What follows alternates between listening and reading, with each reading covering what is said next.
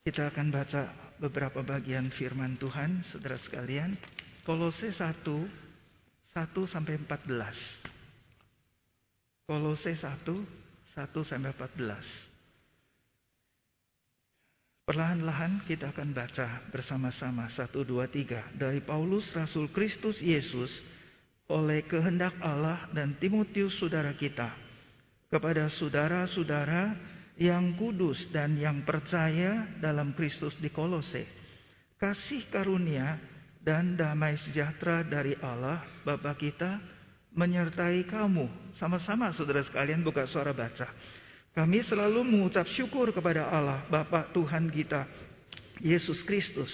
Setiap kali kami berdoa untuk kamu, karena kami telah mendengar tentang imanmu dalam Kristus Yesus dan tentang kasihmu terhadap semua orang kudus. Oleh karena pengharapan yang disediakan bagi kamu di surga tentang pengharapan itu telah lebih dahulu kamu dengar dalam firman kebenaran, yaitu Injil, yang sudah sampai kepadamu. Injil itu berbuah dan berkembang di seluruh dunia. Demikian juga di antara kamu, sejak waktu kamu mendengarnya dan mengenal kasih karunia Allah dengan sebenarnya. Semuanya itu telah kamu ketahui dari Epafras kawan pelayanan yang kami kasihi, yang bagi kamu adalah pelayan Kristus yang setia. Dialah juga yang telah menyatakan kepada kami kasihmu dalam roh kudus. Sebab itu sejak waktu kami mendengarnya, kami tiada berhenti-henti berdoa untuk kamu. Kami meminta supaya kamu menerima segala hikmat dan pengertian yang benar untuk mengetahui kehendak Tuhan dengan sempurna sehingga hidupmu layak di hadapannya serta berkenan kepadanya dalam segala hal dan kamu memberi buah dalam segala pekerjaan yang baik dan bertumbuh dalam pengetahuan yang benar tentang Allah dan dikuatkan dengan segala kekuatan oleh kuasa kemuliaannya untuk menanggung segala sesuatu dengan tekun dan sabar dan mengucap syukur dengan sukacita kepada Bapa yang melayakan kamu untuk mendapat bagian dalam apa yang ditentukan untuk orang-orang kudus di dalam kerajaan terang. Ia telah melepaskan kita dari kuasa kegelapan dan memindahkan kita ke dalam kerajaan anaknya yang kekasih. Di dalam dia kita memiliki penebusan kita yaitu pengampunan dosa. Tambahan beberapa ayat saudara sekalian, kita akan baca Roma pasal 8. Alkitabnya dibuka sebentar. Roma pasal 8 ayat yang ke-26. Roma 8 26, 26 dan 27. 1 2 3. Demikian juga Roh Kudus membantu kita dalam kelemahan kita. Sebab kita tidak tahu bagaimana sebenarnya harus berdoa. Tetapi Roh Kudus sendiri berdoa untuk kita kepada Allah dengan keluhan-keluhan yang tidak terucapkan. Dan Allah yang menyelidiki hati nurani mengetahui maksud roh kudus itu. Yaitu bahwa ia sesuai dengan kehendak Allah berdoa untuk orang-orang kudus. 34 saudara sekalian. Pasal yang sama ayat yang ke-34. 1, 2, 3. Kristus Yesus yang telah mati bahkan lebih lagi yang telah bangkit yang juga duduk di sebelah kanan Allah yang malah menjadi pembela bagi kita dan mendoakan kita. Bagian itu nggak kelihatan di terjemahan bahasa Indonesia. Di dalam terjemahan bahasa yang lain itu kelihatan. Tambahan lagi satu, saudara sekalian. Satu Petrus pasal 1 ayat 3 dan 4. 1 Petrus pasal 1 ayat 3 dan 4. Sama-sama 1 2 3 terpujilah Allah dan Bapa Tuhan kita Yesus Kristus yang karena rahmatnya yang besar telah melahirkan kita kembali oleh kebangkitan Yesus Kristus dari antara orang mati kepada suatu hidup yang penuh pengharapan untuk menerima suatu bagian yang tidak dapat binasa, yang tidak dapat cemar, dan yang tidak dapat layu, yang tersimpan di surga bagi kamu. Satu lagi tadi ketinggalan Ibrani 7, saudara sekalian. Ibrani 7, 25. Ibrani 7, 25. Satu, dua, tiga. Karena itu ia sanggup juga menyelamatkan dengan sempurna semua orang yang oleh dia datang kepada Allah sebab ia hidup senantiasa untuk menjadi pengantara mereka. Kalimat tambahannya lagi berdoa untuk kita, saudara sekalian. Mulai minggu ini, saudara sekalian, khotbah kita atau pemberitaan firman akan teratur dari surat Paulus Kolose. Jadi bagian pagi ini adalah Kolose 1 ayat 1 sampai 15. Dan minggu berikut disambung lagi sehingga bisa berkesinambungan. Sedikit penjelasan di depan, saudara sekalian. Tema dari kitab Kolose adalah Kristus yang unggul, Kristus yang utama, Kristus yang agung, Kristus yang tinggi, the preeminent Christ. Ini tema seluruh kitab, saudara sekalian. Jadi saya tidak buat tema yang lain, tapi dari bagian ini kita akan belajar. Jadi pusatnya adalah Kristus, yang menonjol, yang melampaui, yang hebat, yang agung, yang unggul, yang ulung. Tujuan Paulus menulis surat ini, saudara sekalian, karena Epaphras, gembala dari Kolose, datang ke Roma menengok Paulus waktu Paulus di penjara. Ternyata Epaphras diselamatkan waktu Paulus melayani di Efesus. Maka Epaphras setelah diselamatkan, hidupnya dirubah, membawa Injil, pulang ke Kolose, melayani dan membangun gereja. Dan sekarang gereja yang digembalakan menghadapi tantangan dari guru-guru palsu. Kira-kira tantangannya apa saja saudara sekalian? Guru-guru palsu ini mengajarkan Kristus Yesus bukan Tuhan, tapi dia salah satu hasil ciptaan. Kristus Yesus dengan salibnya dan pengorbanannya kita tidak cukup, maka harus menambahkan ritual-ritual orang-orang Yahudi. Jadi disinkronkan atau dikawinkan dengan keadaan itu. Dan Yesus Kristus kurang cukup maka membutuhkan malaikat-malaikat untuk menjadi pengantara dengan Allah. Kira-kira di sekitar itu panjang tapi kontennya kira-kira seperti itu. Jadi Paulus waktu mendapatkan sharing dari Epaphras seketika juga dia langsung minta Tuhan tolong dia nulis surat. Nah ini Kolose. Jadi surat Kolose salah satu surat kiriman dari penjara. Ada Efesus, ada uh, beberapa kitab yang lain, saudara sekalian. Jadi uh, Efesus dengan Kolose agak mirip-mirip karena ditulisnya pada waktu yang berdekatan. Ada Filemon, ada satu Timotius, dua Timotius dan sebagainya.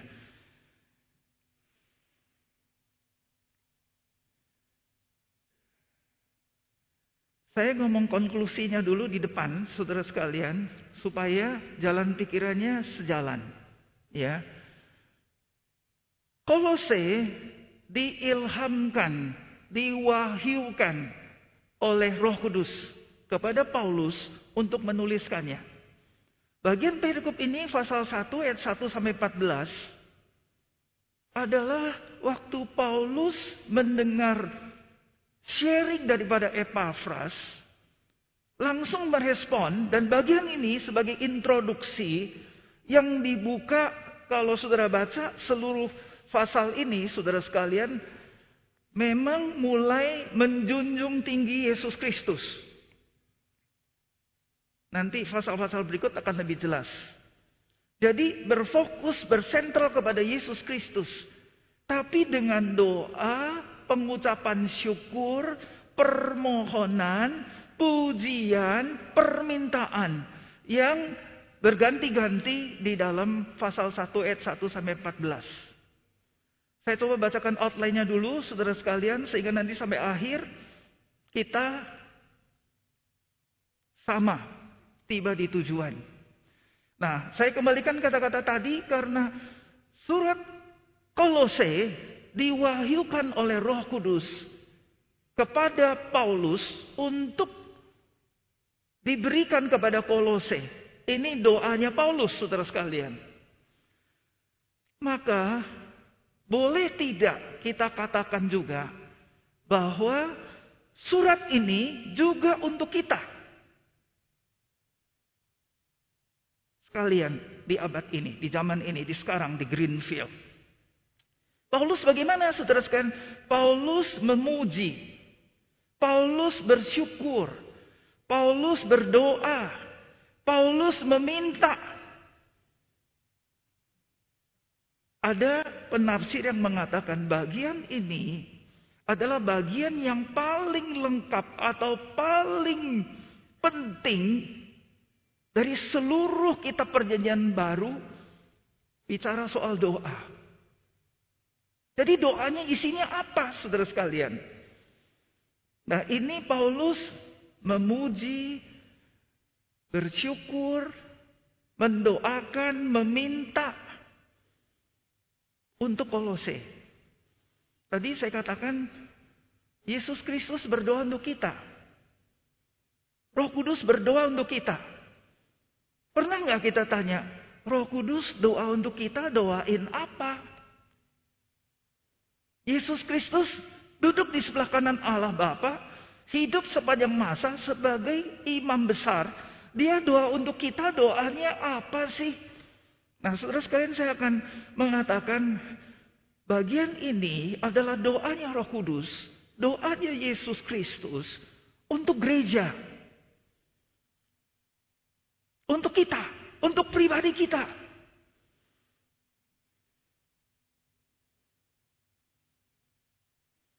Nomor satu, Orang Kolose memang punya kualitas rohani yang seperti ini. Tapi mungkin juga ada orang Kolose yang belum punya kualitas hidup yang seperti ini. Jadi waktu dia mendengar Paulus, membaca Paulus doa untuk dia, dia mendapatkan motivasi dan dorongan untuk menuntut. Karena bagian ini penting dan ini tujuan menjadi anak-anak Tuhan. Maka dia juga terangkat dan terdorong saudara sekalian. Menuju ke arah itu seperti yang didoakan oleh Paulus. Semuanya pasal 1 ayat 1 sampai 14. Bahkan seluruh pasal. Seluruh kitab Kolose. Nah saudara sekalian waktu yang lalu gereja kita sejak waktu 40 hari Tuhan Yesus menderita sebelum dipaku di atas kayu salib sampai sekarang gereja dibuka saudara sekalian. Semua yang datang berdoa, oh boleh ambil boleh ambil salib. Bawa salib kasih orang yang kamu doain. Saya dapat banyak salib saudara sekalian. Salibnya banyak. Kemudian karena banyak salib saya juga bagi-bagi salibnya. Nah kemudian pertanyaan ini nih saudara sekalian. Kita doain anak-anak Tuhan orang lain. Isinya apa? Paulus doa untuk orang kolose. Terus kemudian Tuhan Yesus dan roh kudus doa untuk kita sekarang. Dan kita doa untuk orang lain. Kita doa untuk apa? Ada jemaat yang bilang Musa, ini list doa saya. 1, 2, 3, 4, 50. Tiap hari saya doain gini banyak, bos. Apakah doa yang seperti ini efektif? Nah, kalau kita belajar dari surat Paulus kepada jemaat di Kolose, doa yang seperti ini bahkan dikonfirm ini doa yang paling penting untuk gereja, untuk anak-anak Tuhan, untuk setiap kita dan waktu kita doa untuk orang lain. Maka biar kita tinggalkan cara doa yang lalu, tapi kita mulai adopsi doa yang Paulus lakukan untuk gereja di Kolose. Padahal saudara sekalian, Paulus tidak pernah ketemu tatap muka secara pribadi dengan orang-orang Kolose. Hanya dia dengar sharing daripada Epafras. Karena Epafras anak rohaninya yang dulu bertobat diselamatkan bangun gereja dan sekarang gerejanya menghadapi kesulitan. Maka dengan inspirasi dan visi daripada Roh Kudus dan Roh Kudus yang doa melalui Paulus untuk jemaat di Kolose, maka dia doanya seperti ini, saudara sekalian. Jadi waktu saya membaca, melihat, mempersiapkan bagian ini, saya gemetar dan saya kira doa-doa waktu yang lalu seharusnya yang seperti ini, bukan yang seperti yang lalu-lalu. Tentu minta makan, minta minum minggu lalu Pak Petrus bilang, Eh, kamu pernah minta makanan hari ini secukupnya nggak? Nggak salah, saudara sekalian nggak salah. Kita minta-minta. Tetapi jangan sampai kelebihan. Ada orang bilang sama saya, musuh saya minta pulau musuh. Saya minta laut. Saya minta. Mintanya gede-gede saudara sekalian. Tapi dibandingin dengan doanya Paulus yang ada di sini. Maka musuh ingin shifting dari doa yang seperti itu. Yang semu yang berlalu yang sifatnya materi real kepada doa yang sifatnya spiritual dan kekal dan kita sedang menuju ke situ. Saya bagi lima poin, saudara sekalian. Nanti lihat waktunya cukup enggak. Tapi saudara udah tahu arahnya ke mana. Jadi yang pertama, saudara sekalian, doanya Paulus, dia mengucap syukur. Kenapa, saudara sekalian? Dia mengucap syukur orang untuk orang Kolose karena dia dengar dan dia yakin dan percaya orang Kolose itu punya iman di dalam Kristus Yesus. Dan pada waktu yang sama, iman itu melahirkan satu tindakan sikap cinta kasih kepada orang-orang kudus di Kolose. Jadi ini bagian kerohanian atau kualitas seorang manusia Kristus yang di dalamnya ada Kristus dan merespon. Apa saudara sekalian? Yang pertama, dia beriman kepada Kristus. Setiap kita yang ada di dalam ruangan ini, saudara sekalian, harus yakin kepada siapa kita percaya. Jangan sampai saudara sekalian kita lama-lama duduk di gedung ibadah, ikut bertahun-tahun, tetapi kamu nggak pernah punya pengalaman secara pribadi siapa itu Kristus. Mempunyai rel, uh, relasi yang dalam dan pribadi dengan Yesus Kristus. Dan karena kamu beriman kepada Yesus Kristus sampai membangun persekutuan yang begitu dalam, maka doa menjadi satu action, tindakan yang konkret yaitu dengan natural, flowing, mengalir itu cinta kasih kepada jemaat, kepada orang. Jadi ini adalah dua sisi, two side atau dua pilar kerohanian seorang manusia Kristus. Bagian ini nggak bisa ditawar, saudara sekalian. Kalau nggak ada, berarti kita belum jadi manusia Kristus. Kalau enggak, kalau ada, otomatis pasti. Saudara bilang musuh saya beriman kepada Kristus. Tetapi saya benci sama orang. Tapi saya sebel sama orang. Tetapi saya gergetan sama orang. Dan sebagainya dan sebagainya. Saudara sekalian ini iman kepada Kristus karena Kristus di dalam diri kita. Sehingga semua daripada Kristus ini secara konkret dan nyata dimanifestasikan Kristus mati di salib mengasihi setiap orang datang untuk menebus dosa. Maka ini tidak bisa dipungkiri, dia pasti mengasihi. Kalau kamu dan saya sebagai manusia Kristus tapi di dalamnya nggak ada seperti ini, berarti ada sesuatu yang kurang. Kemudian iman dan kasih dasarnya ada di mana saudara sekalian? Dasarnya di atas pengharapan. Tadi dikatakan oleh uh, Paulus ayat yang ketiga,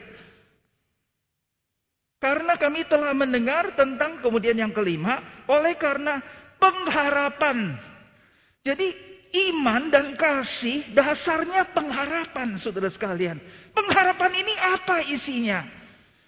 Tentu bukan sekedar pengharapannya nanti Tuhan kasih kita reward. Lebih daripada itu. Pengharapan yang menjadi dasar manusia Kristus itu apa saudara sekalian? Pengharapan itu adalah satu jaminan, satu kepastian. Kepastian apa saudara sekalian? Yang pertama, kepastian keselamatan. Jadi bukan untung-untungan tetapi kita sudah beriman kepada Kristus, menerima penebusan Kristus, menerima Yesus sebagai hidup yang kekal. Saudara sekalian kita sudah pasti selamat. Dan pada waktu yang sama kita waktu percaya kepada Tuhan Yesus, kita sudah menjadi pewaris kerajaan surga. Jadi kita anggota penduduk citizen daripada kerajaan surga. Jadi karena kita punya pengharapan yang pasti seperti ini, maka kita dengan bebas beriman kepada Yesus Kristus, makin berakar makin dalam. Dan pada waktu yang sama karena kita makin berakar makin dalam kepada Kristus, Otomatis cinta kasih Kristus, cinta kasih Roh Kudus mengalir keluar. Maka ini dasar yang penting. Jadi the essence intisari saudara sekalian, pokok daripada iman Kristen. Ini bagian yang penting. Bagian yang kedua, saudara sekalian, di dalam ayat yang berikut menyebutkan mengenai Injil. Mereka sudah pernah dengar Injil. Waktu Injil disampaikan kepada mereka, mereka dengar, mereka percaya, bahkan sampai seluruh dunia. Jadi Injil ini isinya apa? Injil ini adalah Yesus Kristus. Injil ini berkuasa. Injil ini bisa merubah hidup manusia. Injil ini universal. Jadi beberapa poin di sini, saudara sekalian. Yang pertama, Injil itu adalah kabar baik, good news. Yang kedua, Injil itu adalah kebenaran. Yang ketiga, Injil itu universal. Yang keempat, Injil itu produktif. Yang kelima, Injil itu menceritakan kasus karunia Allah. Yang keenam, Injil itu dibawa oleh manusia. Satu kalimat, satu kalimat, satu kalimat saya coba katakan. Injil itu adalah kabar baik saudara sekalian. Jadi kabar baiknya apa? Allah mencintai manusia. Dia tidak pilih kasih. Dia datang mengenapi keselamatan. Ini kabar baik untuk umat manusia saudara sekalian. Yang kedua, Injil itu kebenaran. Saya mohon maaf tapi saya harus jujur.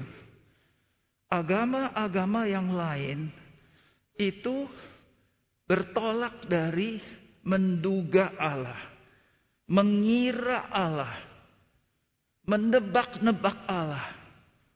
Tapi Injil Yesus Kristus adalah kebenaran. Kebenaran yang Allah itu, keselamatan itu pasti dan sekarang. Tidak tebak, not a guessing. Bukan tebak-tebak bukan ngira-ngira, bukan duga-duga, tapi pasti. Yang ketiga, saudara sekalian, Injil itu universal tadi. Dikatakan oleh Paulus, waktu Injil sampai ke tempat kamu, kamu percaya. Kemudian Injil ini juga disebarkan ke seluruh muka bumi, seluruh dunia. Jadi tidak batas suku bangsa, tidak batas tempat, tidak batas negara, semuanya lintas saudara sekalian universal. Terus dikatakan bahwa sampai di tempat kamu ternyata Injil itu bertumbuh, berkembang. Jadi produktif. Injil itu produktif, saudara sekalian. Injil itu masuk ke dalam hidup manusia, merubah hidup manusia, menambahkan manusia, membuat manusia jadi ciptaan baru. Dari satu, jadi dua, jadi tiga, tiga ribu saudara sekalian waktu hari Pentakosta. Sekaligus, ini apa? Ini kuasa Injil. Yang begitu cepat bertumbuh dan berbuah. Berkembang multiplikasi karena di dalam ada Injil, ada kuasa Saudara sekalian. Ini Injil Yesus Kristus. Kemudian Injil itu adalah menceritakan kasih karunia. Kasih karunia bukan Allah tuntut ini, tuntut ini, tuntut ini. Tidak. Kasih karunia adalah Allah beri ini, beri ini, beri ini. Semuanya bertolak dari Allah memberi saudara sekalian.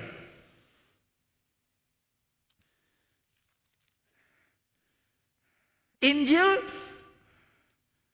itu dibawa oleh manusia, transmitted, human transmitted, humanly transmitted. Jadi Epaphras dengar Injil di Efesus, Paulus menceritakan Yesus Kristus. Dia bawa pulang ke Kolose, saudara sekalian. Sehingga orang-orang Kolose mengenal Yesus Kristus. Jadi ada pembawanya. Orang-orang yang sudah menerima Injil, dia obligated, dia bertanggung jawab, nggak boleh Injil berhenti pada dirinya, tetapi harus bisa ditransmit, harus bisa ditransfer, harus bisa di-sharingkan kepada orang-orang di sekitar yang belum kenal dengan Injil Yesus Kristus. Jadi ini doanya Paulus, saudara sekalian. Dia sebutkan Injil di Roma pasal 1, 16-17 dia juga ngomong Injil. Injil ini yang sudah merubah Paulus dan membuat Paulus sharing. Dan doanya adalah seperti ini. Jadi the essence of the good news, the essence of the gospel. Kemudian yang ketiga, saudara sekalian, adalah pokok the essence of prayer request. Paulus doanya apa saja yang diminta. Ayat yang ke-9 sampai yang ke-11. 9 dan 10. Dua hal yang penting saudara sekalian, dasarnya. Ayat 9 dan 10. Apa itu saudara sekalian? Adalah meminta supaya bisa membedakan kehendak Allah jadi minta kemampuan, minta karunia supaya kita bisa membedakan mana kehendak Allah. Yang kedua, minta kuasa untuk mengapply, menjalankan kuasa Allah di dalam kehidupan kita. Beberapa poin di bawah untuk direnungkan. Saudara sekalian bicara soal meminta, Doa kita minta, saudara sekalian. Persoalannya sekarang doa itu minta. Tuhan dengar saya atau saya dengar Tuhan. Nah ini sering kali terbalik-balik. Tadi saya bilang ada contoh. Kita punya satu list. Tiap hari nggak jenuh-jenuhnya doa minta yang sama. Poin-poin itu. Tapi apakah doa seperti ini? Bagaimana pengertian firman yang mengatakan Burung pipit tidak menanam dan tidak menuai. Bunga di padang dan sebagainya. Kemudian kita terus minta-minta seperti ini. Dia akan cukupi saudara sekalian. Yang mau diminta bukan yang itu. Tetapi yang ini saudara sekalian. Kenapa? Karena mengerti kehendak Tuhan itu. Bagian yang paling penting di dalam seluruh kehidupan kita. Dan kemudian minta kuasa sehingga kita bisa melakukannya. Yang kedua, saudara sekalian, mintanya apa, saudara sekalian, supaya kita diberikan uh, hikmat dan pengertian. Apa ini hikmat dan pengertian? Hikmat di dalam terjemahan bahasa Alkitab itu adalah bijaksana atau sudah dinamakan itu adalah Sofia, saudara sekalian. Hikmat. Dan kemudian pengertian, understanding. Understanding itu adalah satu pengetahuan yang krusial. Kenapa krusial? Karena dengan yang pertama, kita sudah punya bijaksana, hikmatnya Allah, hikmatnya Tuhan, kita bertanggung jawab untuk melakukan. Tetapi sering kali mungkin kita berhenti di situ, ada jarak dengan kita melakukan. Sehingga kita tidak mengalaminya. Jadi mendapatkan hikmat bijaksana dari Allah, ini adalah first principles. The first principle yang paling penting, paling utama. Setelah kita diberikan, diberitahu mengenai kehendak Allah, bagaimana kita bisa mengaplikan ke dalam kita punya pekerjaan, ke dalam kita punya keluarga, ke dalam kita punya pelayanan, ke dalam kita punya usaha dan sebagainya dan sebagainya. Dan bagian yang berikut saudara sekalian ayat ini memberitahukan apa? Ini kalau sudah mengerti, kalau sudah mau di-apply, harus dilakukan dengan the right conduct. Dengan tingkah laku, dengan kelakuan, dengan cara yang benar. Supaya kita sepadan dengan Injil yang kita terima. Dan di dalam segala hal kita menyenangkan hati Tuhan. Kita menyenangkan hati Tuhan, saudara sekalian. Ayat yang ke-10. Ayat yang ke-10 bilang apa? Sehingga hidupmu layak di hadapannya. Serta berkenan kepadanya dalam segala hal. Dan kamu memberi buah dalam segala pekerjaan yang baik dan bertumbuh dalam pengetahuan yang benar tentang Allah. Bagian ini sangat penting saudara sekalian. Kita minta Tuhan tolong. Bagian ini kita nggak punya. Atau bagian ini kita lemah. Atau sama sekali belum saudara sekalian. Jadi ini bagian yang sangat penting. Doa yang seperti ini dengan tindakan yang sepadan dengan panggilan kita dengan Injil, ini praktis saudara sekalian. Tapi pengertian yang kita minta dari Tuhan, yaitu mengerti kehendak Tuhan, mengerti kehendak Bapa, kehendak Yesus Kristus, kehendak Roh Kudus, dengan bagaimana menuangkannya ke dalam understanding, ke dalam pengertian, ke dalam pengetahuan yang krusial yang dikaitkan dengan perbuatan kita, saudara sekalian. Ini bagian yang sangat perlu ditekunin dan digumulin. Sehingga kita akan mencapai.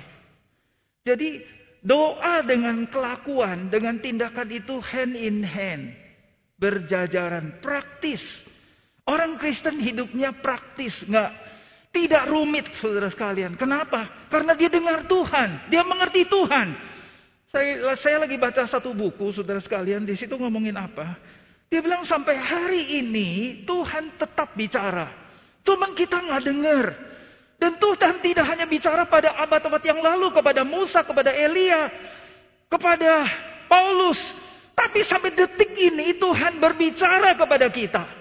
Kepada umatnya, kepada orang-orang pilihannya. Hanya kamu dan saya ada jarak, tidak dengar. Akhirnya kita melakukannya menurut keinginan kita sendiri. Ini yang didoain oleh Paulus, saudara sekalian. Kita minta yang seperti ini Tuhan berikan.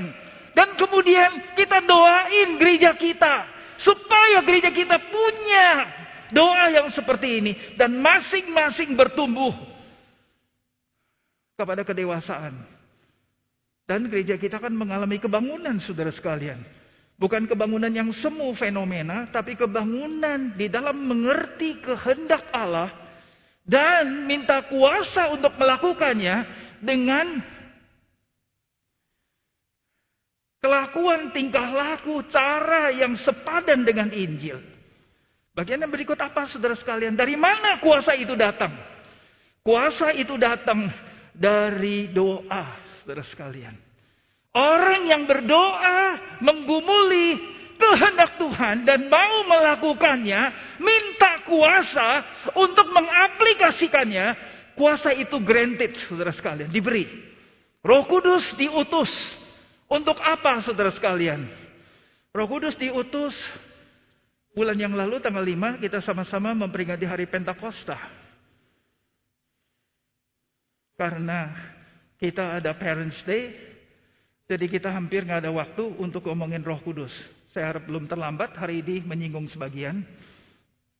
Roh Kudus diutus nomor satu supaya seluruh umat manusia bisa mengenal Yesus Kristus. Itu pekerjaan Roh Kudus sehingga dia dicelikan, matanya dibuka, dilembutkan supaya dia bisa merespon, bisa melihat Yesus Kristus, mengenal Yesus Kristus dan diberi iman supaya bisa merespon kepada Yesus Kristus karena itu kunci daripada kehidupan. Tidak ada jalan yang lain. Yang kedua, Roh Kudus diutus untuk datang memuliakan Yesus. Karena Yesus ditetapkan oleh Bapa sebagai sentral alam semesta. Kehidupan dan keselamatan terbit mengalir dari dalam diri Yesus Kristus.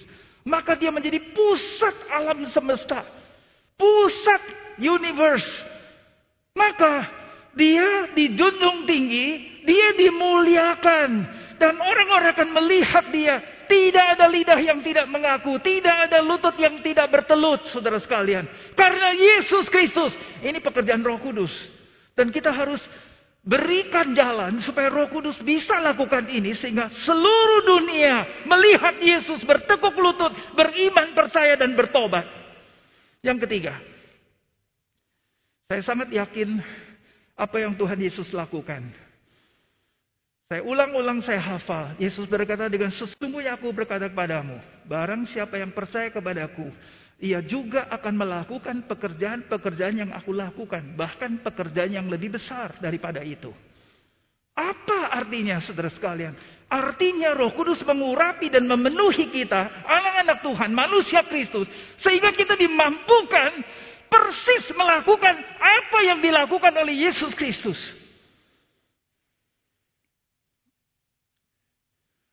Ini pekerjaan roh kudus. Tapi kamu dan saya harus bertobat dan harus beriman. Kalau enggak, enggak tercapai. Bagian ini penting, kita minta Tuhan tolong. Bagian yang keempat, saudara sekalian. The essence of spiritual gift. Permintaan untuk karunia-karunia. Tiga hal, saudara sekalian. Yang pertama, endurance. Terjemahan bahasa Indonesia, ketekunan. Yang kedua adalah Kesabaran, passion. Passion. Kesabaran. Yang ketiga adalah joy. Terjemahan bahasa Alkitab yang pertama itu endurance. Itu adalah kekuatan yang diberikan kepada kita, saudara sekalian, supaya kita bisa menghadapi segala kemungkinan yang terjadi, yang mungkin terjadi, yang akan terjadi, yang bisa terjadi, yang pasti terjadi, dan kita hadapi dan kita menang.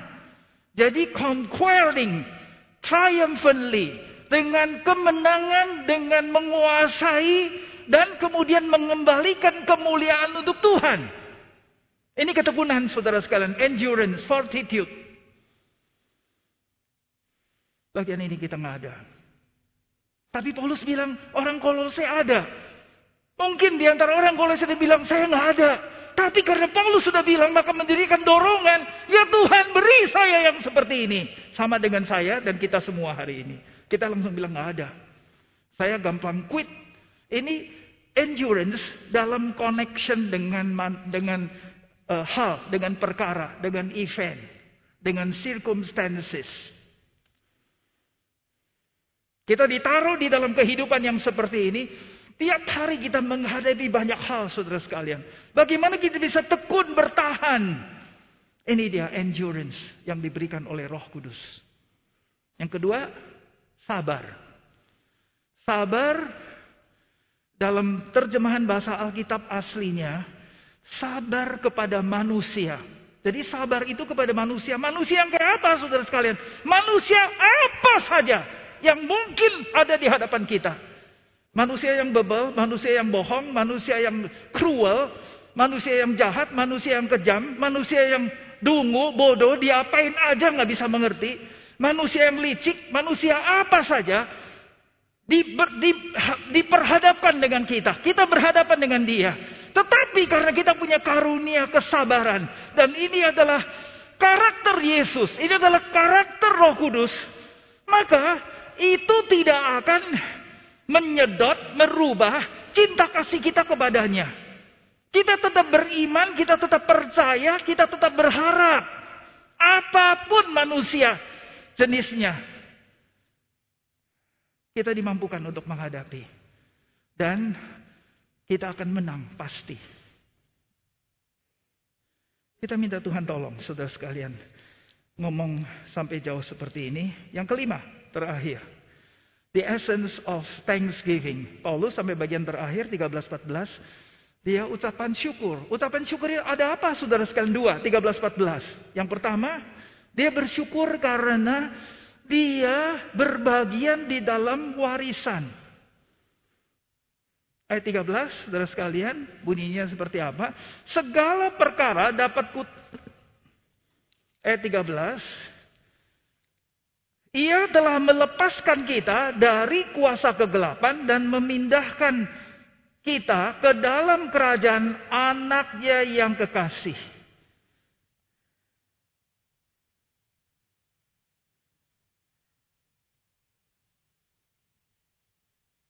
Mungkin 12. Yang mengucap syukur dengan sukacita.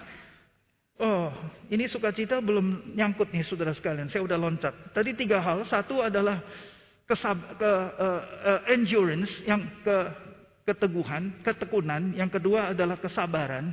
Yang ketiga itu adalah joy, sukacita saudara sekalian. Sukacita yang berakar di atas penderitaan.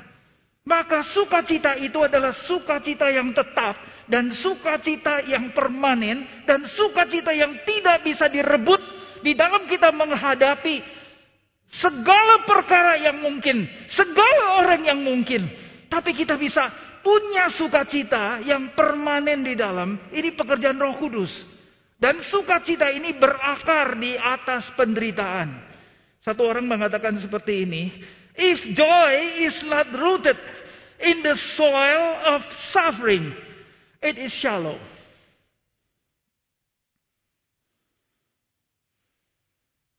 Jadi kasih sukacita ini saudara sekalian harus berakar, bertumbuh dari penderitaan.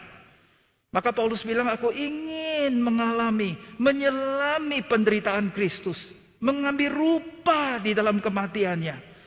Saudara sekalian ini bagian yang penting kita minta Tuhan tolong. Sampai yang kelima tadi terakhir dua hal. Yang pertama mendapat bagian di dalam warisan. Saudara sekalian Paulus dia adalah rasul orang-orang kafir yang bukan orang Yahudi. Dia merasa sangat diberkatin dan terhormat dia bisa bersama-sama dengan umat pilihan Allah, orang-orang Yahudi, menjadi pewaris kerajaan surga.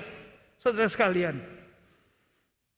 Maka dia meluap ucapan syukur. Yang kedua, bukan hanya menjadi pewaris, yang kedua, dia dibawa masuk, ditransfer ke dalam kerajaan anak Allah, Yesus Kristus. Gak bisa diukur saudara sekalian. Jadi Paulus meluap pengucapan syukur kenapa di akhirnya. Dia bilang ini dua alasan. Yang pertama kita jadi pewaris.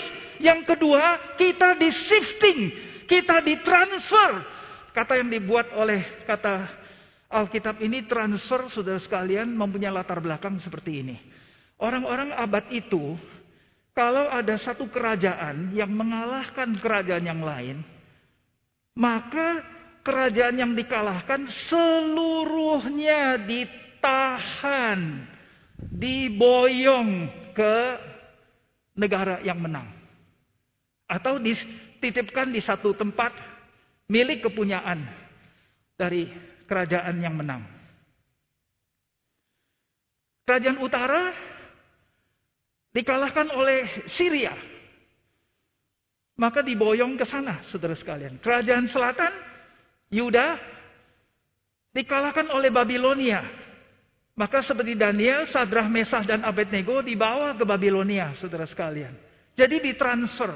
Nah Paulus memakai latar belakang ini, memakai kata ini yang khusus pengertiannya. Allah menyelamatkan kita, mentransfer. Tapi tidak hanya mentransfer, tetapi merescue menyelamatkan. Di dalam dia kita diselamatkan dari kegelapan, kerajaan kegelapan. Di sini ada empat transfer, saudara sekalian. Transfer yang pertama adalah dari kegelapan kepada terang. Semua ada di dalam ayat, cuma dituliskan di sini. Yang kedua, dari perbudakan menjadi merdeka. Yang ketiga, dari hukuman mendapatkan pengampunan. Dari kuasa setan kepada kuasa Allah. Jadi ditransfer secara total sehingga kamu dan saya hari ini memiliki kehidupan yang seperti ini. Setuju saudara sekalian?